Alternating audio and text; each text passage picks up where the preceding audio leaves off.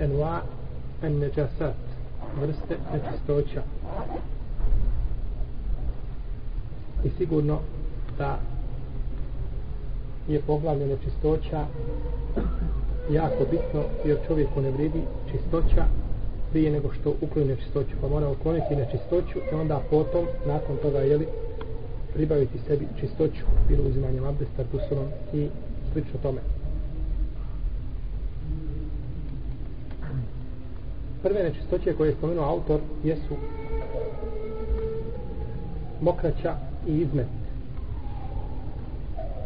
Dokazujući to hadisom poslanika sallallahu alaihi wa sallam koga bliže Ebu Davud koji ima isprava lanac prenosilaca u kome stoji kada neko od vas stane na nečistoću neka to očisti zemljom ili zemlja je čistoća tome pa će znači svoju obuću očistiti sa zemljom i dokaz za nečistoću izmeta su općenito hadisi koji ukazuju na obavezu čišćenja nakon velike prirodne potrebe.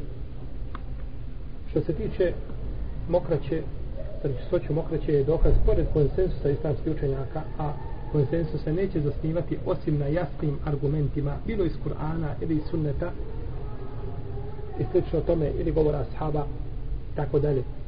A dokaz za nečistoću jeste hadis, a poznati hadis pustinjaka, koga prenosi Enes do Malik, koji je kod Buhari i kod muslima, da je pustinjak ušao u džami i obavio malu fiziološku potrebu u jednom od uglova džamije. Pa su ashabi reagovali, pa je poslanik sallallahu alaihi sallam rekao, la tuzrimuh, nemojte ga, kaže, prekidati, nemojte mu štetiti, nemojte mu nanositi štetu. La tuzrimuh. Pogledajte da je poslanik sallallahu alaihi wasallam u to vrijeme nama dao pored tikskog i jedan medicinski propis ili savjet. A to je čovjek kada obavlja nuždu da ga ne treba prekidati. Jer kada prekineš, tad mu nanosiš, tad mu nanosiš štetu, tjelesno, zdravstveno. Pa ne treba ga prekidati. Toga se navodi kod imama Tabarani da je poslanik sallallahu sallam jedne prilike držao Hasana u naručju pa je počeo da mokri po njegovom tijelu pa su priskočili svi da uzmu Hasana, kaže pustite ga, pa je sačkao da Hasan nije završio. Nije završio, a nakon toga očistio okreću, znači stvar jednostavna, prosta. Kako da znači, ne treba praviti paniku ako dijete slučajno u džami i obavi, obavi malu prirodnu potrebu, pomokli se na tepih, tako da je to sve jednostavne, proste stvari, to treba samo očistiti vodom i završeno. Ne treba oko toga komplikovati i zbog toga braniti djeci da dolaze, jeli, da dolaze u džamije Pa djeca koja dolaze u džamiju i skaču po džamiji i prave nered po džamiji su bolje od djece koja nisu u džamiji. To bez sumnje. Jer kada se djeca odgajaju u džamijama, sigurno da, da se to razlikuje od drugih vidova odgoja. Pa kaže da uhu natu zrimu, nemojte mu štetiti, nemojte mu znači štetu nanositi, prekidajući ga znači kada obavlja, kada obavlja fiziološku, kada obavlja fiziološku potrebu. Pa kada je završio, kazao je poslanik sallallahu alejhi ve selleme, dođite ili pozvao je znači e, e, jednog od ashaba da donese posudu sa vodom, sasvoje na to mjesto i znači time je i time je očišćeno to mjesto. Ovo ima posebne propise da li se voda sasipa kad je voda, kad je zemlja tvrda ili kad je zemlja mekana i tako dalje. U svakom slučaju možda bi time izišli daleko od teme od uh, ovaj vrste nečistoća. Uglavnom, islamski učenjaci kada govore, oni kažu da treba gledati e, u tom slučaju da zemlja bude mekana, pjeskovita ili da je općenito mekana da može šta upiti vodu, jer ako je voda zemlja tvrda, na primjer da je na beton to čovjek uradio, može li se to očistiti time što se saspe posuda vode na to? Ne može, jer to samo razvije dalje i dalje oni, oni čistava, znači džamiju ili mjesto gdje je već to učinjeno, pa treba znači gledati da je to uradi na mjestu gdje može znači zemlja da ubije, da upije na takav način da se to očisti. I to je odgovor a, učenjacima jedne od pravih škola, nećemo govoriti koje nije nam bitno ovdje, koji kažu da mora se to iskopati. Kažu da mora se to iskopati, koriste hadise Budavuda koji se bilježi u sunenu, da je Allah poslanik sa osam naredio kopanje, no međutim, oko hadisa postoje razilaženja, oko vjerodostojnosti i druga stvar, to je kopanje po većini učenjaka prisutno tamo gdje ne može znači zemlja da upije, onda je to dužnost da se iskopa taj dio zemlje. Isto je u tome dokaz da sušenje no, mokraće nije šta, njeno čišćenje, ili sušenje džasika. kao što je mišljenje ovaj učenjaka anefijske pravne škole koji kažu da mokraća i to kada se osuši da je čisto da je bilo čisto Allahom poslanik ne bi naredio šta da se saste voda jer je voda u to vrijeme bila zagotena stvar nije lako znači bilo doći do vode.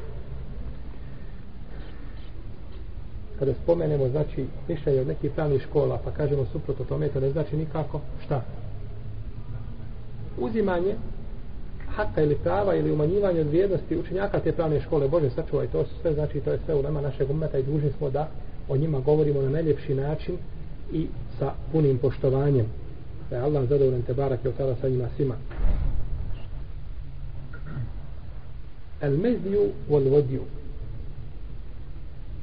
Što mi kažemo mezi i vedi ili mezija i vodija. El mezi to je a, tekućina koja je ljepljiva i rijetka. Ljepljiva i rijetka tekućina. Ovo je stvar treba zapamtiti.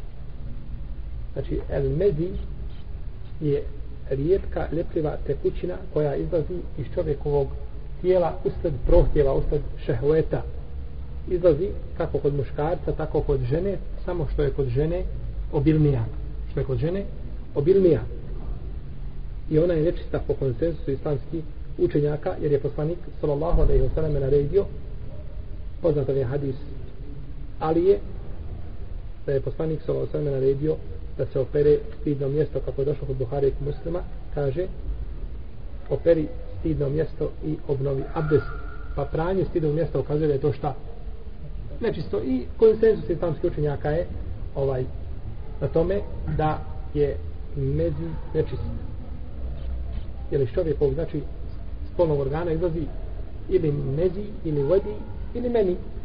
Znači ili sperma ili mezi ili vodi. Kazali smo da je mezi šta?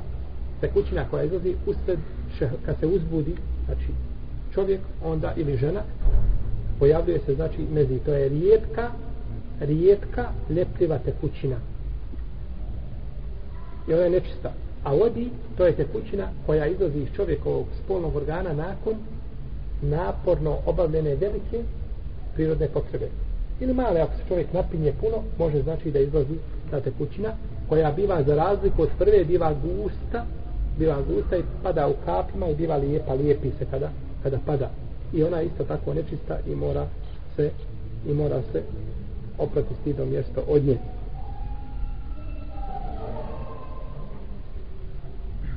A o meni ćemo tala o spermi ćemo posebno govoriti. Ovo je bila treća i četvrta. Znači prva je bila izmet i mokraća druga je bila el meni ili el mezi ul vodi i treća, e, to je treća četvrta i peta je demul hajb a to je krv znači koja se izlučuje iz ženskog tijela za vrijeme mjesečnice.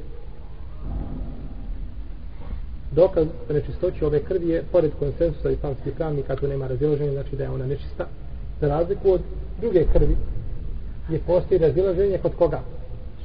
Kod učinjaka u poznijim generacijama. Doćemo išao sada do pitanja krvi, da li je krv čista ili je krv nečista. Pa ćemo vidjeti išao sada da je krv po konsensusu prvih generacija ili tog prvog dijela do imama Ahmeda i nadalje da je ona da je ona nečista ali što se tiče krvi hajba tu nema razilaženja nikakvog ni kod prvih ni kod posljednjih. Svi su složni znači da je šta? Da je to da je to nečisto. I nečista je glavnina. Kada se opere na primjer odjeća na kojoj je dospela, dospela, uh, e, krv hajda i ako ostane trag crvenilo to se nečisti ne smatra ono što je ostalo crveno nakon pranja to ne utječe. To ne utječe ni malo i ne smatra se nečistoćom tako da ne treba ovdje jer ponekad je to teško opret treba mm. nastaje znači da se opere što više može ali danas kada se to opere u mašinama za pranje nakon toga šta god da ostane nema potrebe da se to više dira to je čisto to je čisto. Dokaz za nečistoću demon hajb ili krvi mjesečnog ciklusa jeste hadis Esme bin Tabi Bekra radijallahu ta'ala anha koja kaže došla jedna žena kod poslanika sallallahu alaihi wasallam i kazala ja Allahu o Allahu poslaniće neku od nas zadesi mjesečnica pa iziđe krv na njenu odjeću. Kako će postupiti šta da učini? Pa kaže istrljaće to jeste odjeću zatim vodom rasporiti tragove krvi. Znači pogledaj da je, znači, da, da je ovdje a uzimaju se znači sve mogući uzvrsti da se to dobro opere potom je oprati i klanjati u njoj. Znači tako se čisti krv a, jer je odjeća koju pogodi krv mjesec šesta stvar. Reusu mana yukelu lahmu. Izmed životinje čije se meso ne jede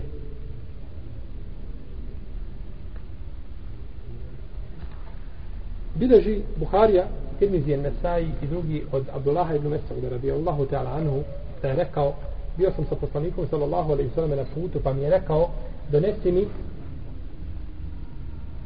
da se očistim nakon nužde tri kamenčića pa ćemo doći mi šala do čišćenja pojasni propis znači čišćenja kamenčićima. Pa sam kaže našao dva kamenčića nisam mogao naći trećeg.